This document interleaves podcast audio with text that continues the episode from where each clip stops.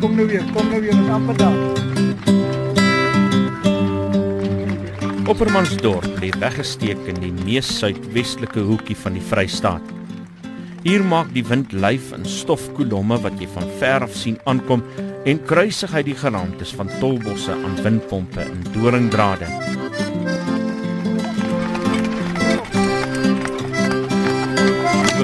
Nou.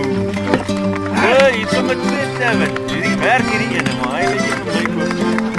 Oh, okay. Dis hierdie drade wat die hart van Oppermansgronde verander het. Hierdie mense het saamgelewe al die jare. My skaap het voor die dam die kom teen seker so 12, 13 kg die 15 kg vanaf. Daai plase skaap is daar en sy beeste daar, sy daar veel oor meer geloop. Maar daar was nooit 'n diefstal nie. Dit het nooit gebeur. Ons het hier gehad. nie.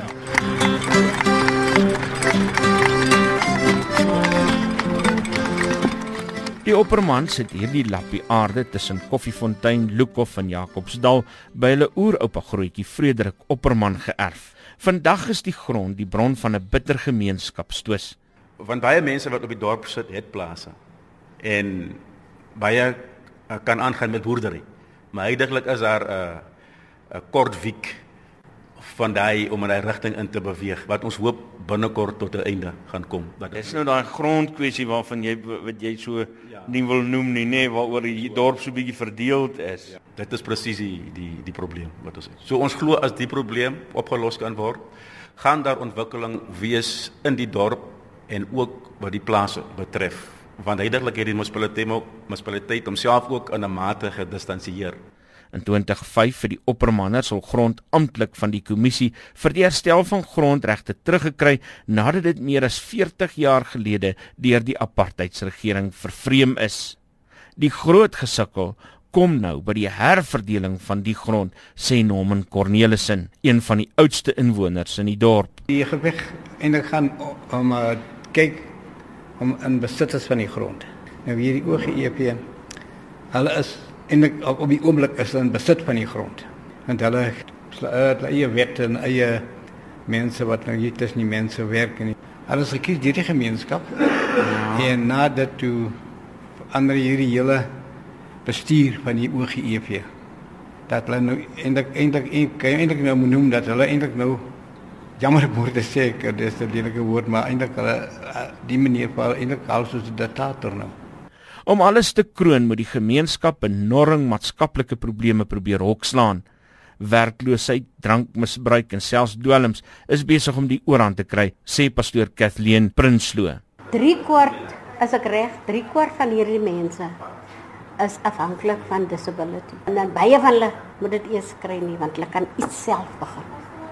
Maar hulle het nie daai woman nie. Pastoor Prinsloo sê dit is die rede waarom die enigste winkel op die dorp aan Pakistanies behoort. Julle kan daardie winkel bedryf het. Julle kon daardie geld gemaak het.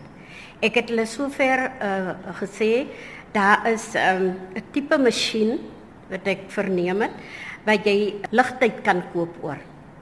En uh die mense in die dorp, in die stede uh, maak baie geld daarmee. Ek het vir hulle gesê gaan gaan vind uit hoe dit gedoen word en dan probeer julle om dit self te doen en dan vir julle geld te genereer en dan julle eie besigheidjie begin. Maar daar is nie werk nie. Wat moet ons doen? vra van die inwoners. My ding wat ek hier doen in Oppermansdorp. Ek sit maar net die mees. Ek het uh gedagte om te dink om te sê hier in Oppermans ek kry swaar. Ek het huis, ek het vrou en kinders. Hulle huil op my kop. Dan dink ek nou hoe gaan ek maar? Dan dink ek baie snaakse goede om te doen om pille te drink of op te hang of al daai snaakse goeders. Terwyl die werklooses die dag hooploos omwens, kom die dorp se hoop bymekaar by die plaaslike skool.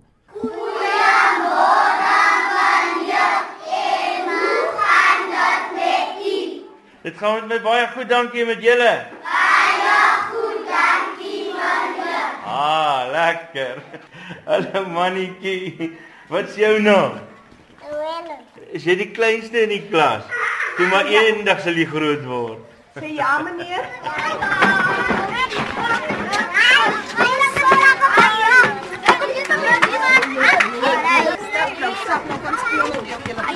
Dis 'n skool soos enige ander in die land met kinders wat baldadig is en onderwysers wat vermaanend vingerwys en kort-kort verstil te vra. Maar ongelukkig bied die skool nie altyd hoop nie. Die dorp verloor talle jong mense, sê bibliotekaresse Jean-Marie Ontong. Meeste van ons kinders is of vroeë skoolverlaters of die wat wel matriek haal, gaan uit Bloemfontein toe, meeste van hulle. So dit is eintlik 'n probleem in Oppermans in. Hier is regtig nie vooruitgang nie. Hier is nie werkskepping nie. Uh die wat wel werk het in Oppermans behou dit maar alles hulle ook groot. So ons jong mense beweeg meestal maar uit.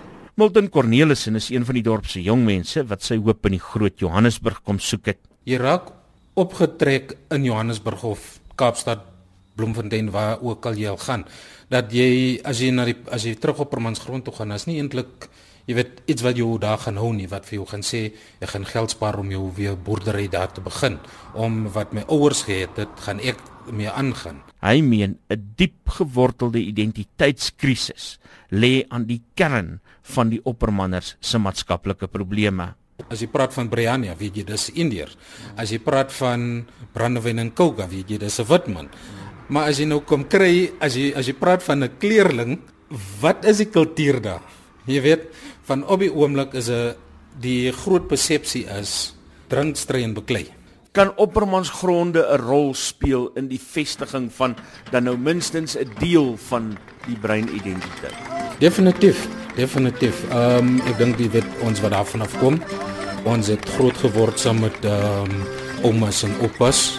Ons het groot geword met die ooms en anties wat daar gewees het, die ouer neefs en niggies wat daar gewees het. Oppermans kan 'n groot deel speel in om 'n kleerlingkultuur te vind.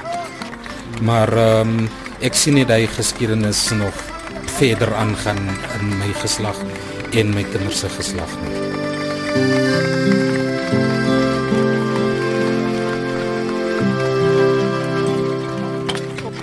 Hey, kom julle. Gaan nou weer. Dit was Milton Cornelissen. Ek is Isak Du Plessis vir SAK nuus.